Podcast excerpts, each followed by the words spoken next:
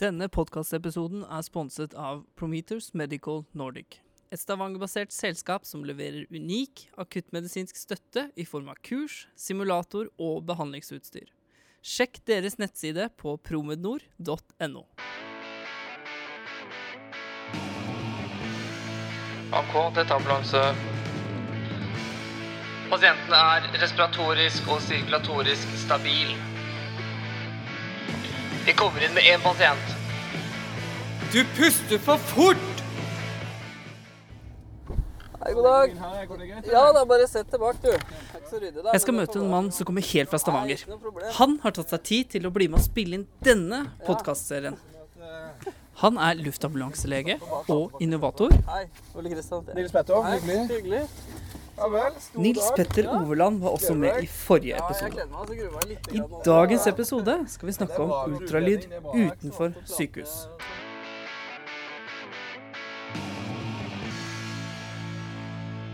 Hjertelig velkommen tilbake, Nils Petter. Tusen takk.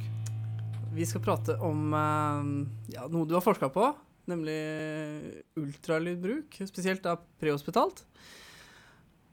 Hvorfor, hvorfor har du egentlig forska på det her, eller hva som har gitt deg eh, driven til å begynne med forskning på nettopp ultralydbruk eh, prehospitalt?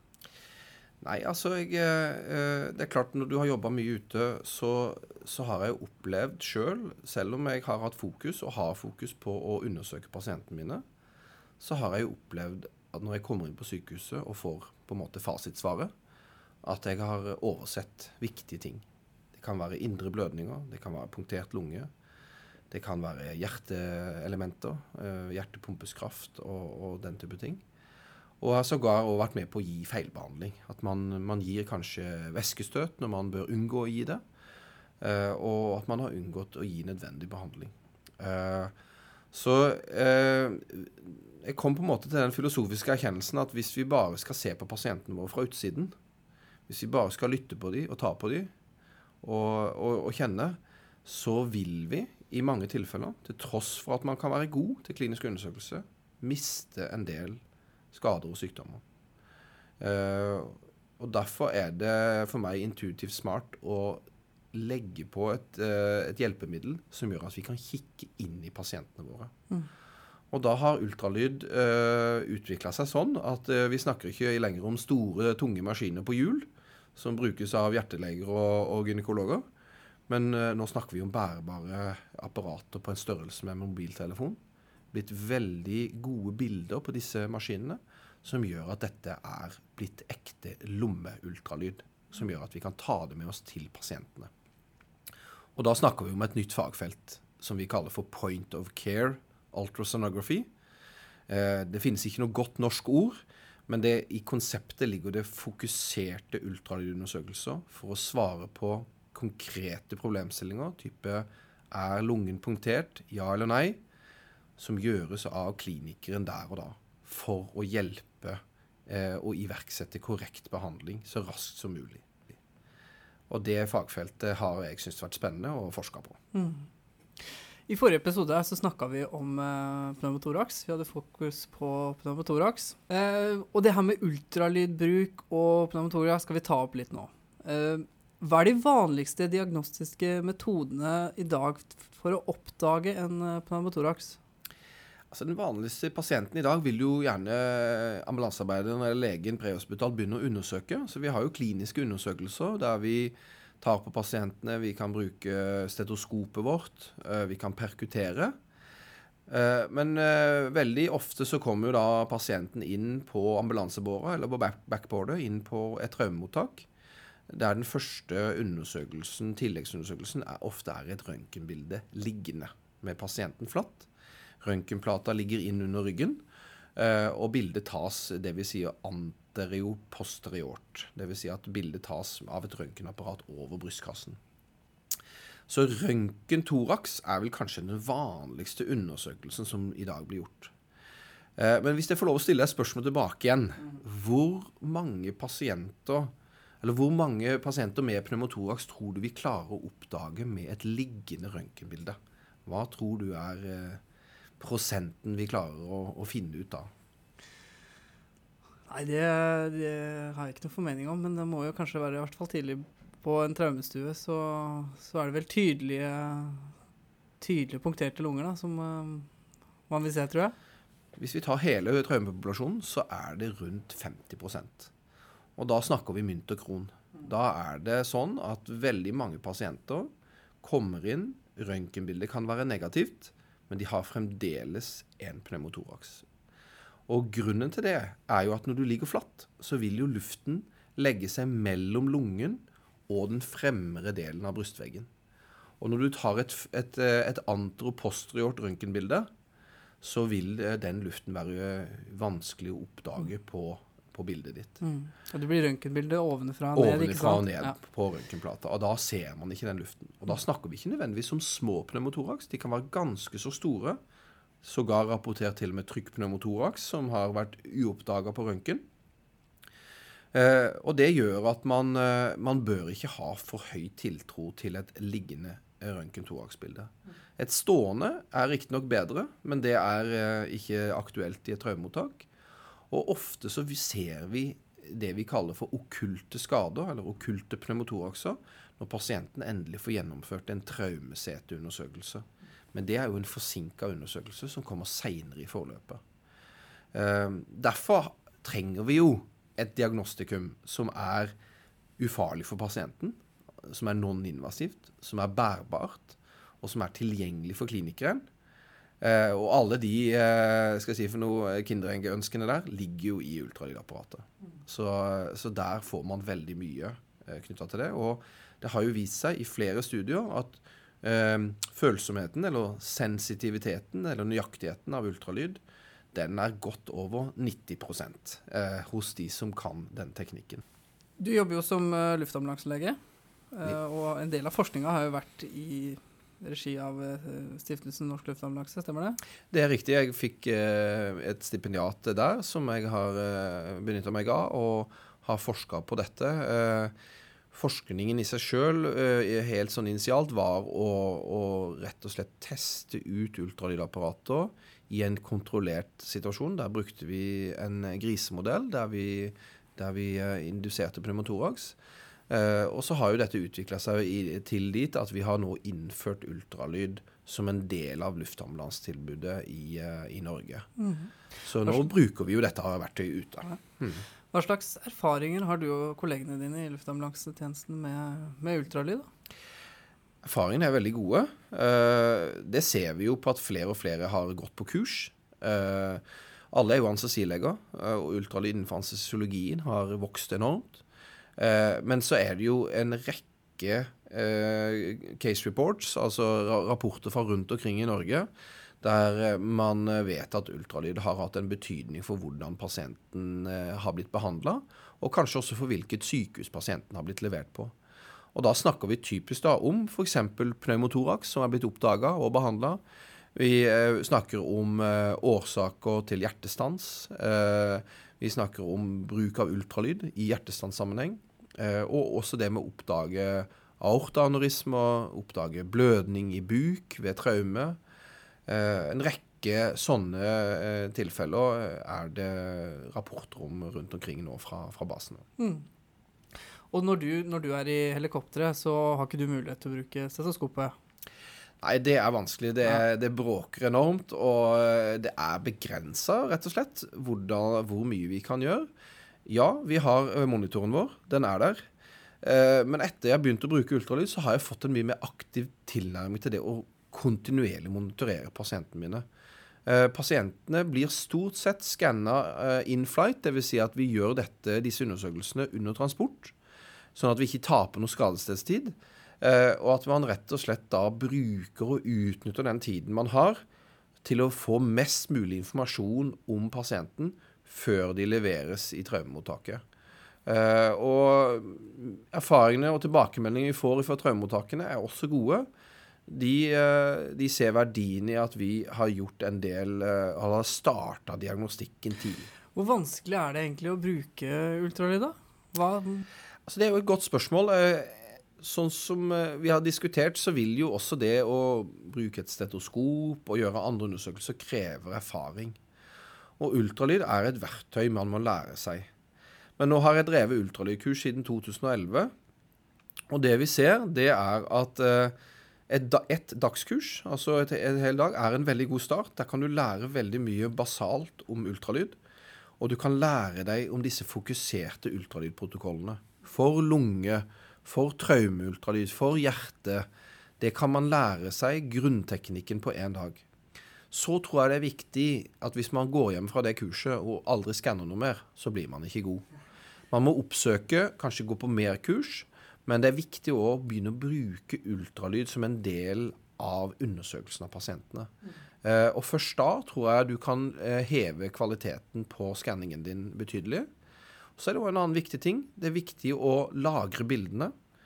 Eh, spille bildene og videoene sammen med røntgenleger, andre spesialister som kan faget godt, for å få tilbakemelding på undersøkelsen man har gjort, og diskutere dette med fagfeller. Det tror jeg er en kjempeviktig måte å kvalitetssikre seg på.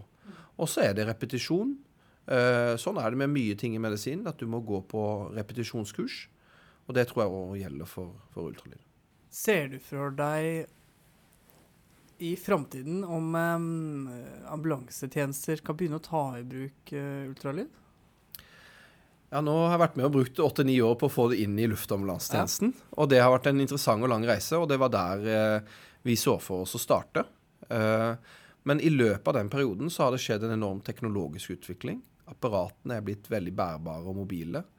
De er som små datamaskiner. Man kan sende bildene fra dem inn til sykehuset uten problem. Så jeg, jeg ser egentlig, hvis jeg skal prøve å se fremtiden, så er det to mulige strategier her.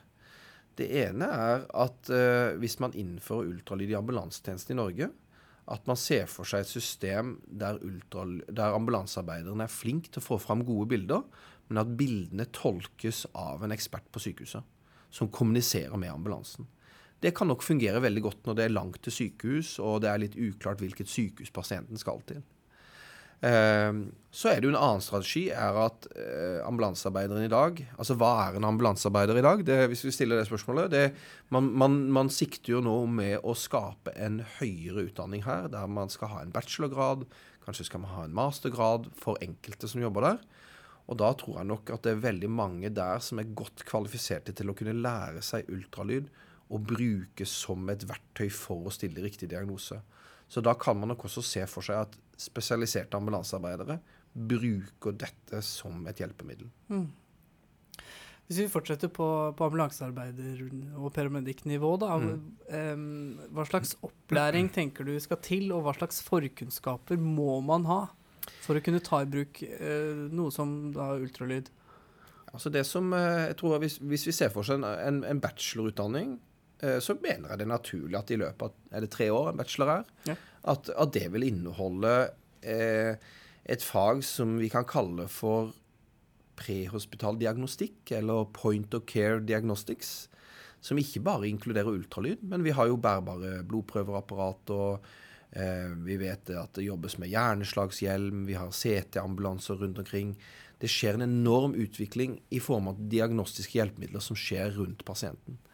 Men hvis vi tar ultralyd, så tror jeg et, et, et ti vekttallskurs der du eh, kanskje har et, eh, et, obligatorisk oppmøte på en to-tre dager der du har mye praktisk skanning, men du må møte forberedt. Du får gjerne noe e-læring, eh, en del eh, litteratur man skal gå gjennom på forhånd, og også ikke minst en form for sertifisering og etterprøvelse av kunnskap, eh, tror jeg kan gjøre. Så en ukes opplæring med, i en bachelorgrad, da kommer du opp på et, et, ganske bra nivå, mener jeg. Og hvis da apparatene er tilgjengelig i bilen, og at du kan begynne å bruke det på pasienter, så tror jeg faktisk uh, man kan få klinisk nytte ut av dette. Men dette er jo ikke noe som er standard innført uh, uh, alle steder. Vi vet at Paramedic i England har brukt det. Vi vet at de har det i Tyskland, i Danmark. Så man har erfaringer enkelte andre steder. Uh, og jeg tror også dette er uh, noe som ambulansearbeidere ønsker å ha. Uh, og som de, når de forstår litt mer hva dette er for noe, vil se på som et enormt viktig hjelpemiddel. Mm. Du snakka om du har brukt det litt i utlandet også. Kan du Ja, si altså, noe om det- det, Er det noe tall for Eller et eller annet som kan vise til som Altså, det er jo eh, for, for Hvis jeg skal ta på meg forskerhatten min, så er det ingen studier som viser at, at det er økt overlevelse. Mm. Men det er det veldig vanskelig å demonstrere i en studie. Det er veldig mye av det vi gjør ute eh, for sykehus som ikke har vist i randomiserte studier at øker overlevelsen. Men det er flere og flere studier som viser at det å gjøre ultralydundersøkelse kan påvirke f.eks. triasjering, hvilket sykehus pasienten kommer til. Eh, påvirke tiden til endelig behandling. Eksempelvis er det gjort en studie i Tyskland som viser at det å lære opp paramedic i traumeultralyd førte til at 30% av pasientene var raskere på eh, operasjonsbordet eh, enn uten ultralyd. Og Da forstår man jo at dette kan ha en stor innvirkning på hvordan man håndterer pasientene. Eh, men det kreves nok enda mer forskning knytta til dette. Sånn som du gjør på flere intervensjoner som vi gjør utenfor sykehus. Så eh, implementering av ultralyd bør absolutt følges av forskning. Og da har jeg bare lyst til å nevne helt på slutten, å nevne dette med et spennende forskningsprosjekt som pågår på Sørlandet nå. Kollega Lars Jacobsen, som jobber som lege i luftambulansen i Arendal. Han eh, forsker sammen med kardiologene på sykehuset i Arendal, der de har utstyrt en ambulanse, lært om ambulansearbeidere i Kristiansand, til å bruke og skaffe seg gode hjertebilder som sendes inn til kardiologene, sånn at man prøver å få en bedre triasjering av brystsmertepasientene. Hvem skal direkte til Arendal til PSI? Hvem kan trygt gå til Kristiansand for observasjon? Og da Spennende prosjekt. om eh, Det er i forhold til non-STEMI-pasientene? Det er i forhold til STEMI og non-STEMI-pasienter. Helt riktig. Mm. Hvor tidlig klarer man å oppdage en uh, pneumotoraks eh, i forhold til ultralyd eh, kontra auskultasjon? Ja, vi, vi diskuterte jo det litt i forrige episode ved podkasten, dette med auskultering. Og jeg tror auskultasjon kan være en veldig nyttig undersøkelse hvis du har en stor pneumotoraks, fordi da vil du ha lite eh, respirasjonslyd på den siden. Har du derimot en mindre eller en simpel pneumotoraks, så kan det være vanskelig å, å identifisere det med et stetoskop. Eh, litt tilbake til min egen forskning, da, så var vi veldig interessert i å finne ut hvor hvor lite luft, eller hvilken volummengde av luft, eh, trenger man for å kunne oppdage pneumotoraks med ultralyd. Eh, og igjen så brukte vi da en eksperimentell modell der vi gradvis satte inn mer og mer luft. Altså vi kunne styre størrelsen til pneumotoraksen. Og så prøvde de å finne på en måte en terskelverdi for når eh, leger kunne oppdage dette. Og litt overraskende så fant vi faktisk at det volumet var 20 milliliter. Og da kan du tenke deg litt sånn milliliter, eh, det er 20, milliliter, 20 milliliter sprøyte, det er ikke mye, altså. Eh, man utnytter jo det da når man bruker ultralyd, så er det jo denne glidende bevegelsen, vi kaller for lungeglidning, mellom de to lungehinnene. Parietal pleura kler innsiden av brystveggen, mens visceral pleura kler jo oversikten av- overflaten av lungen. Og der, De skal normalt være i kontakt med hverandre og skli i forhold til hverandre. Pneumotoraks eh, fører jo til at de to hinnene eh, skilles, sånn at man mangler lungeglidning. Og det har vist seg å være lett å oppdage. Så spesielt lungeultralyd er en enkel undersøkelse å lære seg. Eh, og nesten alle pasienter vi har, så har vi tilgang til fremre deler av brystkassen, der eventuelt luften vil ligge hvis du har en pneumotoraks. Så, så der er følsomheten god. Over 90% som jeg nevnte. Så det er det du ser med ultralyd, da? At disse lungehinnene ligger inntil hverandre og, og glir, som du sier? Er det det du oppdager, eller? Det, det er riktig, det, for det er litt paradoks. For Mm. øh, ultralydbølgen de er lite glad i luft. Det er derfor du må bruke gel på huden. For å unngå luft mellom proben og huden. Og da er det litt sånn motsigende at man skal bruke ultralyd på et luftholdig organ som det lungen er. Men det er ikke selve lungevevet man ser på. Man ser på det vi kaller for pleuralinjen, der parietal og visceral pleura ligger og glir mot hverandre. Det ser ut som en sånn horisontal bevegelse der de to hinnene sklir litt i forhold til hverandre. Det har man mulighet for å se på ultralyd. Og finner man lungeglidning, så har man ingen pneumotoraks i det området man skanner. Det betyr jo at hos en traumepasient som har fin lungeglidning på fremre deler av brystkassen, en sånn liggende traumepasient, så kan du med stor stor sannsynlighet si at han har ingen pneumotoraks på den siden. Finner du derimot manglende lungeglidning i en traumesituasjon, så er jo sannsynligheten høy for at det er en pneumotoraks. Mange vil jo kanskje hevde det at eh, hvis vi får innført eh, ultralyd, så kommer vi til bruk av skadestedstiden. Um, du sier at du, du gjør ultralyd når du kommer i helikopteret og på vei inn til sykehuset. Har, dine, har du noen kommentarer til, forhold til uh, Kommer dette til å ta tid for pasienten? Ja, altså jeg syns det der er et veldig godt spørsmål, og det, det, er en problemstilling som er viktig å diskutere. Uh, det er helt klart at uh, det tar litt tid å gjennomføre en undersøkelse. Men det er viktig å poengtere at det vi trener på, og det vi lærer fra oss på kurs, er veldig fokuserte undersøkelser. Vi gjør ikke en fullstendig skanning, sånn som kanskje en røntgenlege vil gjøre. Uh, vi er opptatt av å svare på konkrete ja-nei-spørsmål. Er lungen punktert? Ja, nei. Står hjertet i ro? Ja, nei. Er det en hjertetamponade? Ja, nei. Er det blod i buken? Ja, nei. Og en del sånne problemstillinger er, er raskere å avklare. Eh, så er jeg av den oppfatning at ultralyd det er bare en naturlig utvidelse av den kliniske undersøkelsen av pasienten. Dvs. Si at du skal gjøre det du gjør i dag. Du skal undersøke pasientene på samme måten. Men hvis du har et konkret, viktig klinisk spørsmål, så må du vurdere om du skal gjøre en skanning på stedet, eller om dette kan vente til du har begynt å flytte deg mot sykehus. Uh, og, og, er det det siste, og er den pasienten såpass stabil, så vil jeg sterkt anbefale at man gjør undersøkelsene mens man flytter seg mot sykehus. Det gjør at, uh, som du nevner, jeg gjør mye av mine skanninger in flight, eller faktisk i ambulansen når jeg, når jeg går, går om bord i en ambulanse. Men noen ganger så er vi jo støkt på skadested. Det kan være ting som gjør at vi ikke klarer å komme oss av gårde. Vi venter på noen transport, vi venter på hjelp. Da utnytter jeg også den tiden. Men man skal prøve å unngå så mye man kan å stjele av pasientens viktige tid.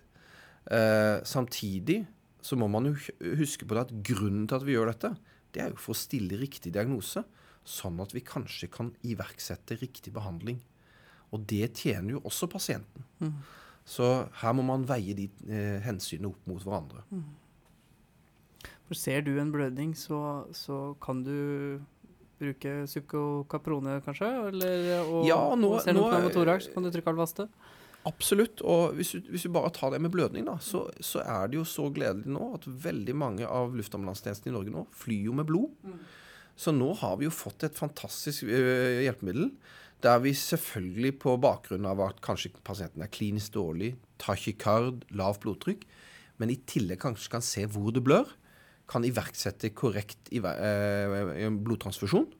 Uh, og unngå å bruke blod når ikke vi skal det. man skal jo ikke gi blod unødvendig. Så, så, her har vi nå begynt å få behandlingsverktøyene i tillegg. Eh, så det er helt åpenbart, eh, åpenbart det. Men så må vi ikke, Nå har vi snakka mye også om traumatologi, men vi må ikke glemme at vi, at vi har mange medisinske pasienter, hjertestanspasienter, andre uforklarlige eh, tilstander som, som vi, hos kritisk syke, der ultralyd er med på å stille riktig diagnose. For det er ikke sånn at vi alltid skal henge opp en liter ring, og så går det bra. Det er ikke sånn lenger. Vi skal, vi skal drive skreddersydd behandling. Eh, og riktig behandling. Mm. Til slutt, vi skal avslutte nå. Mm. Eh, kort.